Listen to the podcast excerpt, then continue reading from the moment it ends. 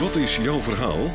Dit is een podcast over dyslexie en aanverwante fenomenen zoals dyscalculie, ADHD, ADD, autisme en hoogbegaafdheid en over het conceptuele denken dat eigen is aan deze mensen.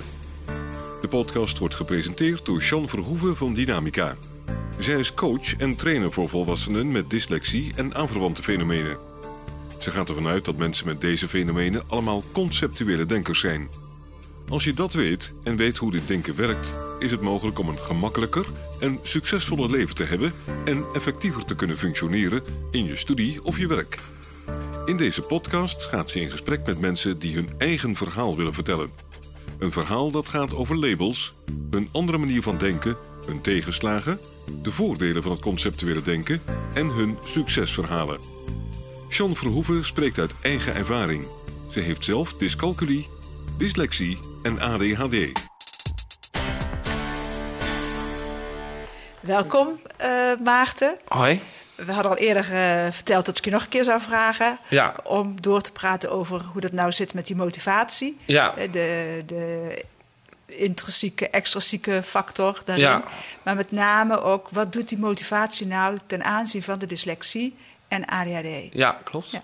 Dus daar gaan we het eh, over hebben. Een docent zei ooit eh, tegen mij over lezen. Dat vond ik een hele, een hele wijze les voor mij geweest. Eh, begrijpend lezen is een, is een stukje technisch lezen. Dus het, het, het ik zou bijna zeggen het fysieke lezen. Eh, een stuk woordkennis, een woord, woordbegrip. En, en een stuk motivatie. En op het moment dat er op één van die stukken een achterstand of een moeilijkheid is, dan gaat het gehele begrijpend lezen achteruit. Dus in het geval van dyslexie is er op technisch lezen vaak een probleem, of op andere aspecten in dat lezen is er vaak een probleem.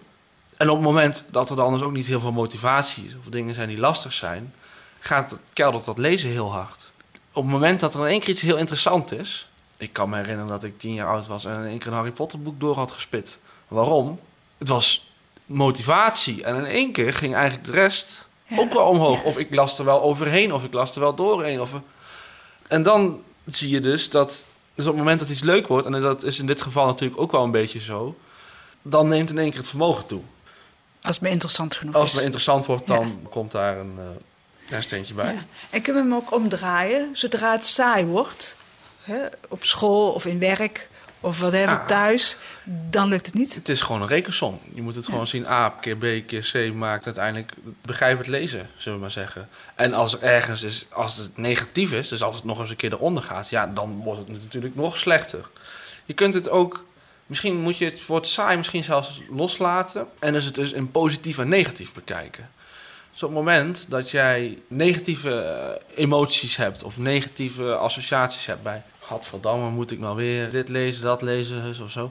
Of nog zelfs in, in de faalangsthoek, hè? dat Ja. kan ik toch niet. Dan gaat die motivatie ook zakken. En dan neemt dus je vermogen ook gewoon af. In mijn ogen altijd iets op te leren is, en wat ik zelf nog steeds heel moeilijk vind, is dat stuk eerst maar eens te nemen van, goh, hoe halen we die negativiteit weg en komen we naar een soort nul? En hoe kunnen we het anders omzetten van, hé hey joh, wat kunnen we hier nog aan motivatie toevoegen? Of hoe kunnen we zorgen dat we, want dan wordt het eigenlijk alleen maar makkelijker van. Gaat het dan over de intrinsieke factor of de extrinsieke Ja, factor? extra ziekte, ja, mo- motivatie. daarin. Motivatie. Ja. Bij kinderen, hè? Bij kinderen en ook bij volwassenen. Ik denk dat we het, eh, het stuk motivatie als één ding moeten zien. Dus al zowel als intrinsieke als extrinsieke. In welke mate het motivatie oplevert, dat is het verschil. Als je tegen een kind zegt die heel graag Game Boy wil, dan is dat een extrinsieke motivatie. Die is wel wat waard en dat zal het kind echt wel ervoor zorgen om stapjes bij te zetten en een stukje meer er- erin te gaan. Maar dat is tegenover als dat kind denkt: ik vind dit leuk. Ja, dan voel je zelf ook wel aan dat dat een wereld van verschil in motivatie is. Het heeft wel met positiviteit en negativiteit ook te maken. Hè? Een extra motivatie zou kunnen zijn: als je nu niet je huiswerk afmaakt, dan krijg je straf. Dan draaien we de boel weer negatief. Psychologie zegt vaak dat eh, positief bekrachtigen beter gaat dan het straffen het verkeerd doet. Ik denk dat dat voor deze vorm van motivatie ook zo geldt. Je hebt klassiek conditioneren en operant conditioneren. Daar gaat het over. En eh, in het operant gaat het dus over je doet iets en je krijgt vervolgens een positieve of negatieve reactie. En het is mensen makkelijker om mensen nieuw gedrag aan te leren als ze op een positieve manier als gedrag af te straffen. En dat bestaat eigenlijk al best wel lang zo. Ik denk dat als ik kijk naar mijn eigen dyslexieverhaal, want het is natuurlijk voor iedereen altijd een verhaal wat lang meeloopt. Vergis je er niet en je raakt het niet van je leven echt kwijt. Dus het is altijd een onderdeel van jou en daar zul je altijd associaties mee hebben. Als ik terugkijk naar mijn verhaal, denk ik dat ik heel veel negatief bekrachtigd heb gekregen. En dat me dat misschien nog meer tijdens het lezen in de weg zit Ja, dan daadwerkelijk mijn technisch lezen zelf. ja, precies. Kan je een voorbeeld noemen? Nou ja, ik zou bijvoorbeeld een, een voorbeeld wat we eigenlijk net hadden besproken. Die opdracht die je maakt, waarin je voelt dat je het misschien voor een 8 of een 9 kent en vervolgens Oh ja. een 6 terugkrijgt. Dat is best negatief. Ja, Dan ga dan maar eens bij jezelf te raden. Dan denk je, verdomme, ik kan het niet. ja, Kijk, je kunt jezelf een visuele cirkel intekenen, een visuele cirkel. Van, ik kan het niet. Boah, ik vind het echt nog vervelender om te doen. Ik kan het toch niet, ik kan het toch niet. Dan ga je het nog slechter doen. Je komt nog slechter in je vel. ja. En uiteindelijk komt het naar een punt waar je gewoon blokkeert. Ik heb dat ook wel gehad. Ik heb er Ja. nog wel eens last van. Ja, en hoe kan hè, zo'n docent, die ziet jouw werk en die denkt, ja, het staat er niet, dus hè, het punt aftrek. Kan diegene nou weten dat hij jou op dat moment negatief stimuleert? Kijk, er is een dubbel probleem. Het is lastig om, met, om op een fatsoenlijke manier met twee maten te meten, laat ik het zo zeggen. Eh, om dat goed te standaardiseren, ook omdat dyslexie in verschillende vormen en maten komt. En, en- kijk, het begint bij kennis dit. Maar er is Kennis vrij, van wat? kennis van het probleem dyslexie. Er is in, in het gehele onderwijs... Basisonderwijs is aardig wat kennis en ook wel wat dingen in. Bij middelbaar onderwijs, laat staan hoger onderwijs. Is er niet zoveel kennis en wat, wat doet dat nu en wat doet dat nu niet? En hoe werkt dyslexie? Wat, wat zijn de problemen die je tegenkomt? Hoe kun je hier het beste mee omgaan? Ik denk dat daar een groot gebrek aan kennis is. De vraag is, kan diegene dat wel weten? Wat hij verkeerd doet en jij mij een 6 geeft, wat dat met mij doet, als jij totaal het probleem niet kent. Je hebt er wel eens van gehoord, natuurlijk geen idee wat dat met mij doet. Ik denk dat daar eerder een punt ligt. En als iemand er nou van zou weten, of dat soort dingen, kijk, dan kun je natuurlijk altijd zeggen van, nou, goh, zou ik eens met je meekijken? Want je zegt hier nu hele goede dingen. Kijken samen naar de herkansing of we niet eh, met wat kleine aanpassingen en wat feedback en wat gerichte feedback, want dat werkt wel best goed soms, kunnen zorgen dat alles in dat document krijgen wat je hier nu vertelt. Ja, ja. Dus en dan zeg je eigenlijk ook, een leerling hebt die ondermaat presenteert in eh, schrijfwerk. Ja. Hè, want je zei in de klas, hè, doe je voor een eh, acht en in schrijfwerk krijg je een zes. ja, dus op het moment dat je een discrepantie krijgt Ja. eigenlijk. Dat ze dan verder gaan kijken en het is hem doorpraten en horen of, dat de, of de Ja, kennis er is. Aandacht geven, doorvragen. En natuurlijk ieder schoolsysteem zou daar, heeft daar zijn eigen mogelijkheden in, terwijl of er niet. Maar ik denk dat met een beetje aandacht en, en wat dingen, dat je een heel eind bent. En dat motiveert ook weer, hè? Ja.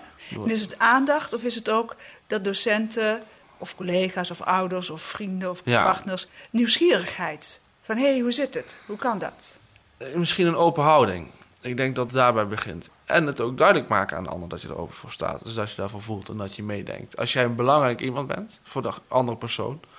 Het geval van een collega bijvoorbeeld. Ik werk met jou veel samen en ik merk dat jij op, met het inlezen van vergaderingen moe- moeilijkheden hebt. Of, eh, gewoon eens er- erover praten van, hey joh, hoe komt dat nou? Of wat, wat vind je nou moeilijk aan? En vervolgens van, wat kunnen we dan doen? Dat we, wat als ik nou even doorlees en jou vijf minuutjes bijpraat? Kost mij heel weinig tijd. Kun jij dan daarna weer verder met dingen die, die jou goed maken in wat je bent? Dat is een bepaalde mate van ja, openheid vraagt dat ik vind nieuwsgierigheid is iets ervan wil weten per se. En dat nieuwsgierigheid gaat ervan uit dat is actief van, van jezelf naar buiten toe. Open Ja. zeg je, ik, sta, ik, ik zie iets of ik sta Ja. voor open en ik zie het wel. En daarbij kan nieuwsgierigheid horen. En ik kunt natuurlijk altijd wat Ja. dingen doorvragen. Maar ik natuurlijk eerlijk zeggen andersom, als iedereen mij constant vraagt... hé, hey, die dyslexie, hoe zit dat nou? Of, of- Ding opmerkt dat je niet denkt van oh, hij heeft dus niet geleerd. dat is zeker aannames natuurlijk ontwijken, dat soort dingen. Wat je bij te binnen schiet is ook wel andersom. Waar ik heel veel in heb geleerd in mijn eigen, van mijn eigen dyslexie, of heel veel meer vrede mee heb gekregen, is door mijn eigen kennis over dyslexie te vergroten. Van wat betekent dit nou echt? Wat zijn er nou problemen die hierbij voorkomen? Je weet, je hebt dyslexie. Je hebt waarschijnlijk, als zeker als je wat eerder gediagnosticeerd bent, heb je wat begeleiding gehad. Maar wat weet je er nou eigenlijk echt van? Wat zijn nou problemen die hierbij voorkomen? Ik heb links en rechts is altijd een probleem voor mij. En totdat ik mijn minor over dyslexie volgde, Als je heel negatief denkt, dan zeg ik altijd van, ik kan dat gewoon niet. En gewoon, even heel overdreven, gewoon een sukkel dat ik dat gewoon niet onthoud. Ik ben gewoon een rare, dat idee. Totdat je dus een keer in je college hoort en dan zit je dan en dan zeg je... Nou, onder andere bij de dyslexie en een stuk wat kunnen herkennen, zijn links- en rechtsproblemen. En dan zit je in de bank en dan denk je, ja verdomme, dit was dus niet mijn se... Het is wel mijn probleem, ik ben het wel. Maar ik ben niet per se die sukkel. Is gewoon iets wat erbij hoort. Ja. Dit maakt het gewoon lastig. Oh, hé, hey, dan kan ik nog even anders naar mezelf kijken. En natuurlijk is het moeilijk om boeken te gaan lezen als dyslect over je eigen problemen. Verdiep je erin. Want dan begrijp je misschien 15 meer dingen die je daarvoor niet begreep. Misschien, En wat levert dat op als je dat weet? nou, ik denk weer een meer positieve attitude. Ik denk dat dat toch ook de draad in het geheel is. Ik denk als je erbij stilstaat of je weet wat er aan de hand is, dan is het gewoon allemaal net iets minder erg. Of net iets minder vervelend. Kijk, ik vind het nog steeds heel vervelend om dingen te moeten schrijven. Maar ik kan wel soms erbij stilstaan waardoor dat komt. Wat ik hier nou moeilijk aan vind. Ik kan het ook verwoorden naar een ander. Iemand tegen me zegt, ja, hé, dat... eh zeggen ze, ja, goh, dat uh, theoretisch kader bij. Dat is een stuk dus waar je heel veel uh, voor moet lezen en moet verwerken. Dat, dat gaat zo langzaam. En dan zeg ik, ja, dat klopt. En daar kan ik mezelf heel erg over opvreten. Dat vind ik heel vervelend. Maar ik, ik kan er ook bij zeggen, daar niet van. Maar ik weet waarom ik dit moeilijk vind. Want ik moet hele moeilijke teksten lezen. Ik moet vervolgens die hele moeilijke teksten zien te ordenen. Het beste samen te vatten. Dan moet ik dus alle associaties die ik bij die ene tekst heb nog eens opschrijven. Of in ieder geval zien duidelijk te maken. Dan hebben we één tekst verwerkt. Dan heb ik 15 van dit soort teksten. Met allemaal losse associaties die ik met elkaar moet zien te verbinden. En dan hebben we het, en als we het een keer duidelijk hebben in het hoofd. Dan moet ik nog eens het ernstige gaan doen, dus de boel op gaan schrijven. En dan krijg je, goh, hoe, zat dit nou? Hoe moet ik hierover nadenken? Hoe, maar zij verwoorden het zo, dus hoe moet ik het dan schrijven? En dan krijg je tegenslag na tegenslag na tegenslag. Want iedere keer is het moeilijk. Iedere keer denk je, oh shit, hè? oh dit vind ik moeilijk. Oh ja, wacht, oh nee, dit vind ik lastig. En als je dan even terug kan gaan en kan zeggen, oh wacht, maar ik weet waarom ik dit lastig vind. Want ik ben nu met hele moeilijke dingen bezig. En even kan zeggen, nou dan duurt het wat langer. Of zeggen, nou even een rondje lopen. Dan, dan geeft het al, al wat meer ruimte. Dan ben je al wat minder straffen naar jezelf. Andersom moet je ook erop letten dat je wel aan de gang blijft. Dus dat je niet gaat zeggen van ja, ik vind het heel moeilijk, dus doe het niet. Maar dat heeft allemaal met, ook met, met kennis te maken van wie ben je nu zelf, wat zijn de dingen die je nu lastig vindt. Versimpelt de boel. Wat maakt dan dat je toch elke keer weer doorzet? Is dat de intrinsieke of de extrinsieke factor? Ik denk dat heel veel dingen op die scheidingslijn zitten. Ik wil gewoon mijn opleiding af hebben, want ik wil gewoon een diploma en ik wil dingen met mijn werk kunnen doen. Dat is echt iets wat intrinsiek bij mij zit. Ja. Ik wil gewoon afstuderen. Heeft natuurlijk wel met extrinsieke factoren te maken. Want ja, ik moet een keer werken en uh, god, het is allemaal niet iets wat ik zelf uit mezelf per se bedenk. dus ik denk dat het op die scheidingslijn zit. Maar ik probeer wel zoveel mogelijk mezelf intrinsiek te motiveren. Dus als ik iets lees waarvan ik denk, oh, dat vind ik een beetje interessant, dan ja, maar dit vind je interessant. Let op, hallo, dit vind je interessant. Oké, okay, dan probeer ik die positieve stukken eruit te halen. Want dan weet ik dat mijn lezen beter gaat. Dan weet ik dat ik me er iets makkelijker op focus. Dan lach ik erom. Het is een beetje van beide, denk ik. Het zijn beide factoren die erin tillen. En beide factoren die ja, ervoor zorgen dat je dan maar er gewoon voor gaat. Kijk, worst case scenario ben ik twee jaar bezig met mijn scriptie. Geloof ik niet, ga ik niet vanuit. Worst case scenario. Heb ik twee aardige rotjaren gehad waar dingen ook nog heus wel leuk zijn. Dat is iets anders als dat ik, ik ben nu 25, nou laten tot 65, dat is al 40 jaar. Nou, ik moet wel tot 70 door. Dus kan doorzetten. Kan doorzetten, maar ook niet wil ergens. Hè? Ja. Dus het is... Even hierop doorgaand, hè, willen en of kunnen. Toen we destijds met je, dat je hier was, een paar keer over je ja. had. Ja. Toen zat je er ook wel uh, zwaar in. Ik denk dat uh, ingaand op mijn uitstelgedrag, ik heb daar zeker het afgelopen uh, jaar, de, de, cursus heeft me er heel veel bij geholpen, de afgelopen twee jaar zou ik maar zeggen, heb ik daar wel heel veel inzicht over gekregen. Ten eerste, waar komt het vandaan? Een mens reageert op bepaalde manieren op dingen die hij moeilijk vindt. Dat noem je coping. Dus ja. sommige mensen ja. worden heel gestrest. Of sommige mensen gaan vermijden. Sommige mensen worden juist. Er zijn heel veel verschillende manieren. En ik merk dat ik zelf nogal vermijdend ben met dingen die ik lastig vind. Waar komt dat vandaan?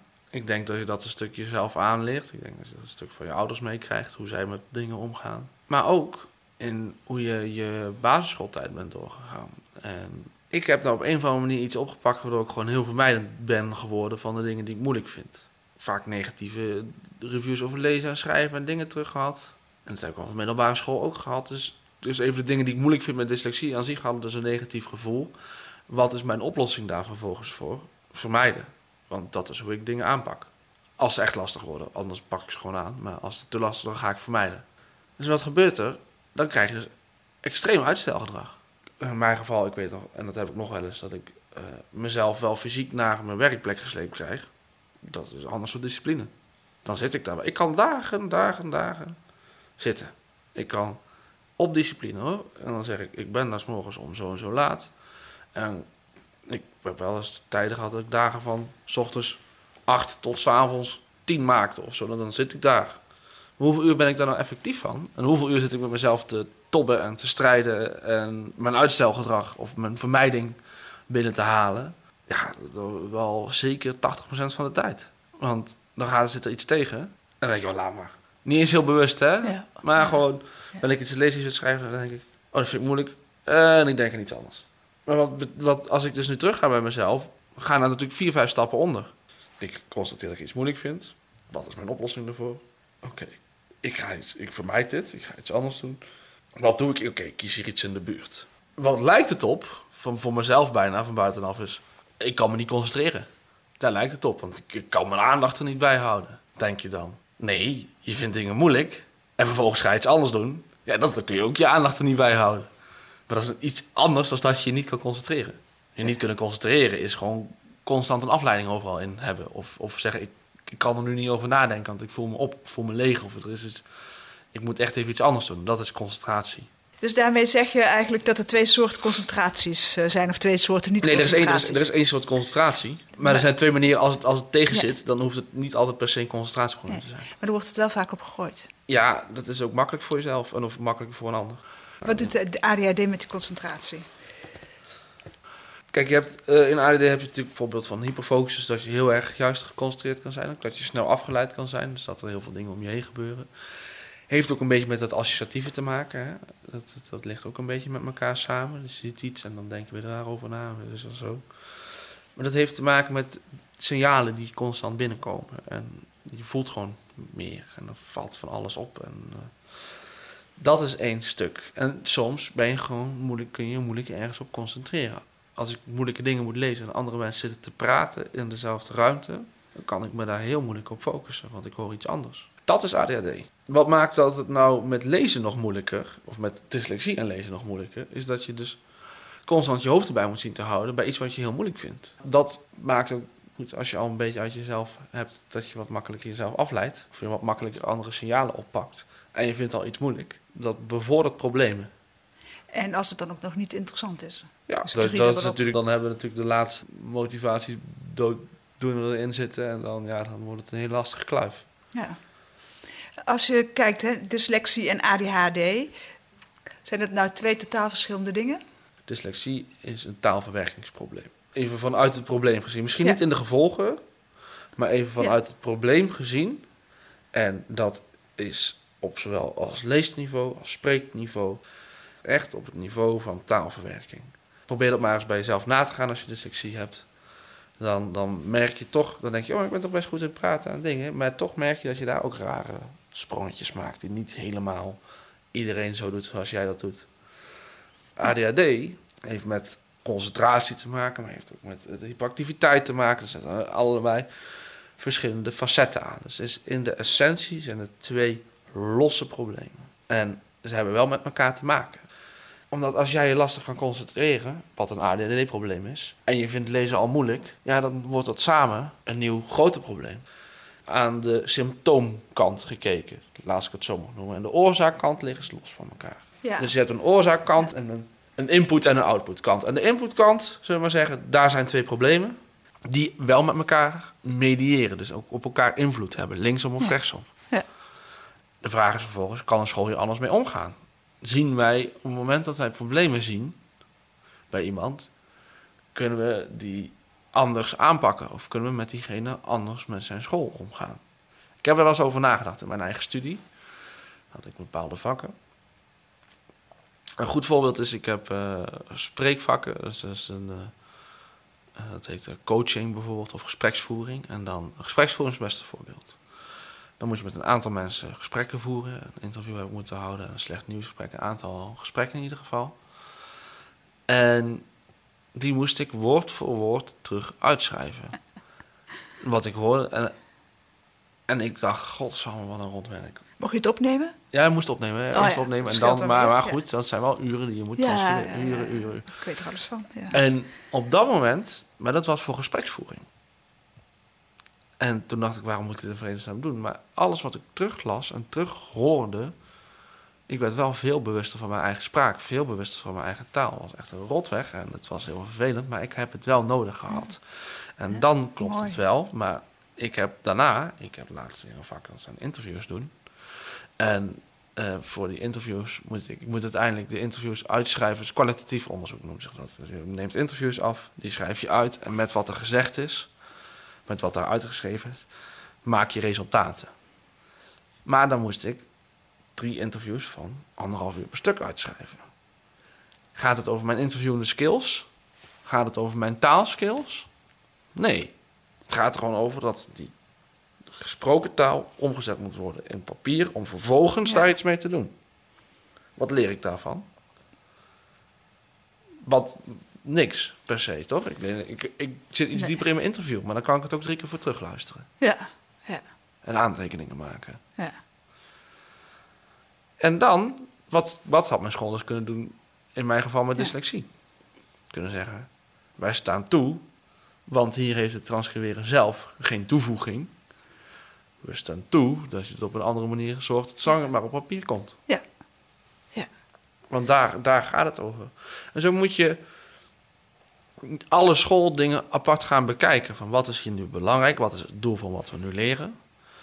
Gaan we de doelen aanpassen? Kan natuurlijk ook. Hè? Een kind wat ik moest Frans leren. Wat was nou het doel? Moest ik beter Frans leren spreken of de Franse woordjes kennen? Of moest ik ze goed op leren schrijven? Ik mocht op een fonetisch. Mocht ik opschrijven wat mijn Frans was.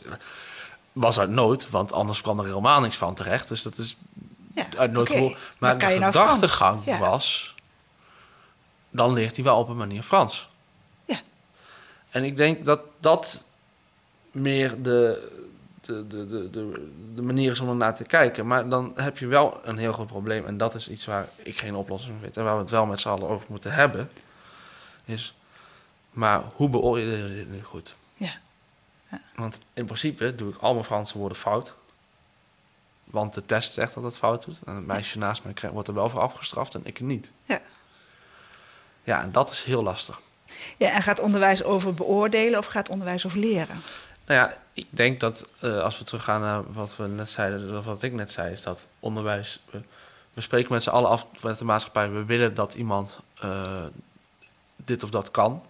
Dat, daarom maken we. Overheid zegt: Ik heb mensen in mijn volk. Ik wil dat zij allemaal een bepaalde skillset hebben, een competentie bezitten, laten we zeggen. Hoe doe ik dat? Ik heb geen zin om het zelf te doen. Ik maak daar een school voor. Nou, daar moeten kinderen heen, want dan leren ze allemaal hetzelfde ongeveer. Dus Ja. ik zorg dat mijn bevolking opgeleid is. En als je dan teruggaat naar les, van ja, dan is natuurlijk de lastige vraag. In principe is de oorspronkelijke eis: ik wil dat iedereen dit of dat kan. Ja. Maar op het moment dat er dan dus problemen ontstaan, dan is dus de vraag: wat is het belangrijkste? Moet iedereen dit of dat kunnen? Of moet iedereen zo goed mogelijk naar de situatie dat kunnen? Ja. En daarin moeten we omdenken. Ik denk dat dat, ik denk dat, dat daar eerst mee begint. En daar moet eerst maar eens kennis voor zijn van problemen. En dan, dus het is een hele lange weg, maar daar moeten we in om leren denken. En dat, dat, dat beoordelen ook. Kijk, je gunt een kind met dyslexie ook dat hij een keer een tien haalt van Frans. Zeker. Ja. Maar Want dan hebben we het over positieve, hè? ja, als we even dat over dat positieve, dat stimuleren. Het zou eigenlijk heel goed zijn als een kind tien haalt van Frans. Want dan denk ik ben goed in Frans. Ik ga nog meer best doen voor Frans. Nou goed, dat motivatieverhaal, dat hebben we natuurlijk net ook Ja, al en dan gehad. komt er ontspanning. En komt er ontspanning is, ja, kunnen we ja, makkelijk ja. leren. Ja, nou goed, dus dat zou eigenlijk wel gunnen. Maar de vraag is, is dat dan eerlijk? Dat is een heel, dat vind ik een heel moeilijke ethische kwestie. Ik heb zelf dyslexie. ja. En je eh, kent ook de psychologie, dat is ook ja, leuk. Maar ja, je bent ik, weet, ik weet niet. Ik weet niet of ik het altijd eerlijk zou gevonden hebben. Als ik een 10 had gehaald en Gietje naast me, ik noem het nou, eh, die alle woorden foutloos had geschreven, of behalve één, dan een 9 haalt. Ja, dat is heel, eh, dat is een hele. Want er is wel, als je het heel sec kijkt, er is een opdracht gegeven. En wie heeft die het beste uitgevoerd? Gietje heeft het tien malen beter uitgevoerd dan ik. Ja, maar wie heeft de meeste energie erin gestopt? Ja, maar is. eh, Of wie, heeft, wie is er nog het... eh, ja, kijk, En, kijk, en, dan over- en dan krijgen we nu weer. Dus, dus, dus, dus, dus dat, dit is denk ik het hele punt. Dan krijgen we dus die motivatie. Dus, dus wat is belangrijk hier? Zorg ik dat ik diegene beloon voor de moeite die hij heeft gedaan? Ja. Of zorg ik dat ik kan meten of testen op dat stuk? Ja, of gaan we de doelstelling bijstellen en willen we dat mensen plezier hebben in het leren? Ja, En dan gaat het er straks over, wat gaan ze ermee doen? ja, ja dat klopt. Maar we, we gaan hier het onderwijs niet vervolgen, maar dit is- dit is- dit is denk ik een heel belangrijk punt.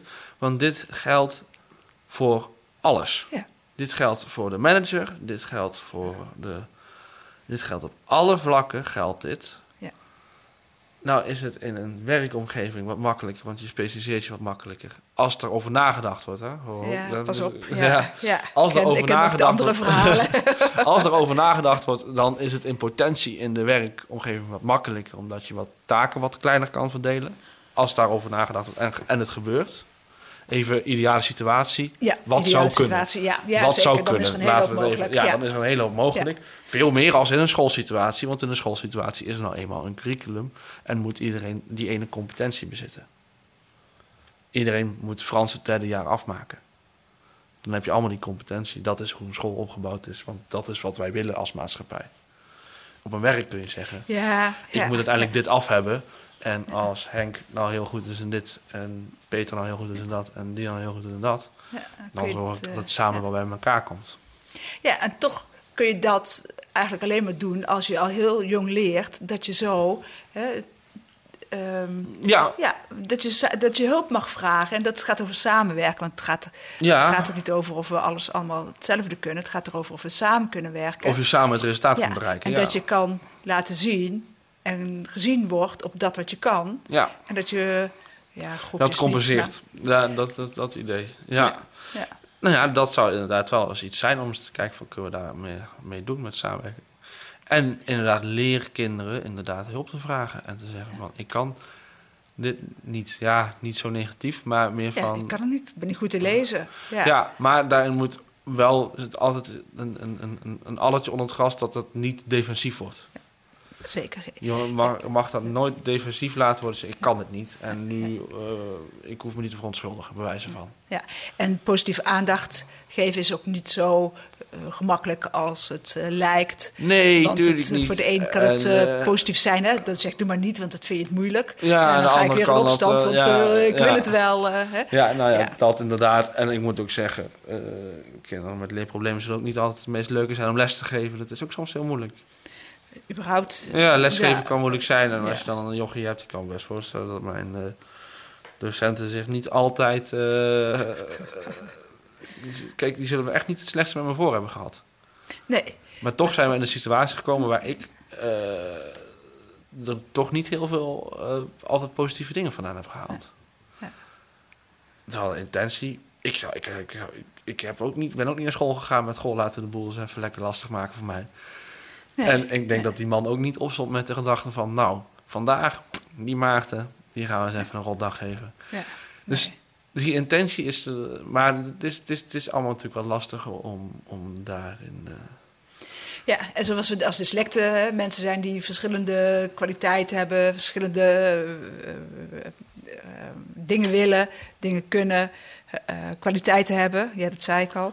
Ja. Er zijn ook docenten natuurlijk eh, Ja. met verschillende kwaliteiten. De ene is creatief, de ander niet. En de ene zit echt op Ja. zijn vak en de ander weer eh, ja, daarom. Dus de, dat is, de dat, mensheid. Ja. Het zijn allemaal, het, het- kijk, het is, het, is, het is in abstractie heel makkelijk te, te, te, te bedenken. En in realiteit, eh, een realiteit wijst dan altijd anders. Maar er zijn een aantal dingen die je wel kunt controleren in het geheel. Een aantal dingen die je zelf als dyslect kunt controleren. En waarin ik ook vind dat je dat moet proberen.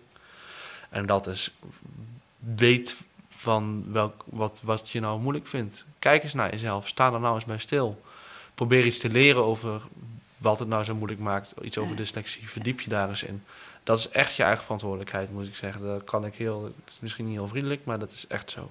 Ja, ben je zelf bij. Ben ik met je eens. Ja. En, als je dat, en als je dat latent laat liggen en je vervolgens gaat zeggen: het zit me allemaal tegen.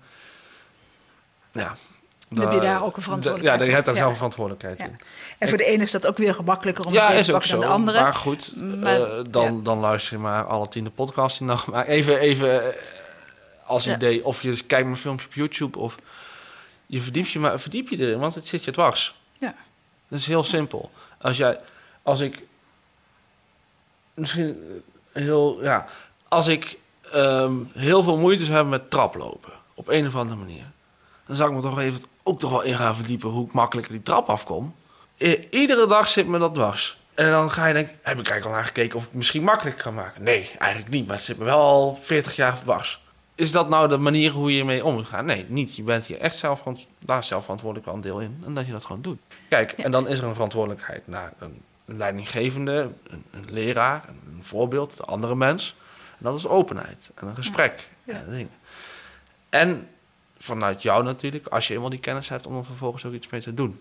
En dus soms is het heel moeilijk, maar je zou ook eens naar uh, je manager toe kunnen stappen en zeggen: hey, luister eens ik moet iedere keer zoveel lezen voor die vergadering. Ik vind het heel moeilijk. Ja. Kunnen we niet iets vinden waarin we dit uh, wat makkelijker kunnen maken? Dat ik even bijgepraat word of even dit of even dat. En kom zelf met oplossingen als je ze ziet. Ja. Dankjewel voor dit uh, gesprek. Ja. Ik vond het erg leerzaam. Ja, ik vond het ook heel leuk om te doen. Ik hoop dat uh, mensen er iets aan hebben. Dankjewel. Graag gedaan. Wil je reageren op deze podcast of heb je vragen? Stuur dan een mail naar podcast.dynamica.nl. De reacties zullen worden meegenomen in volgende podcasts. John Verhoeven geeft coaching, workshops en trainingen. Wil je meer informatie? Kijk dan op www.werkendyslexie.nl of www.geniaaloprechts.nl of bel 020 639 1099 020 639 1099. John Verhoeven heeft twee boeken geschreven over dyslexie, Slimmer dan je baas en Dyslexie, Stoornis of Intelligentie. Deze boeken zijn te koop in elke boekhandel. Stuur de podcast door naar iedereen waarvan je vindt dat ze meer zouden moeten weten over dyslexie, ADHD, ADD, dyscalculie, autisme en hoogbegaafdheid en het conceptuele denken. Deze podcast is gemaakt in samenwerking met Marcel de Hoog van Storytelling Media hij verzorgt de technische, redactionele en morele ondersteuning. Tot de volgende aflevering.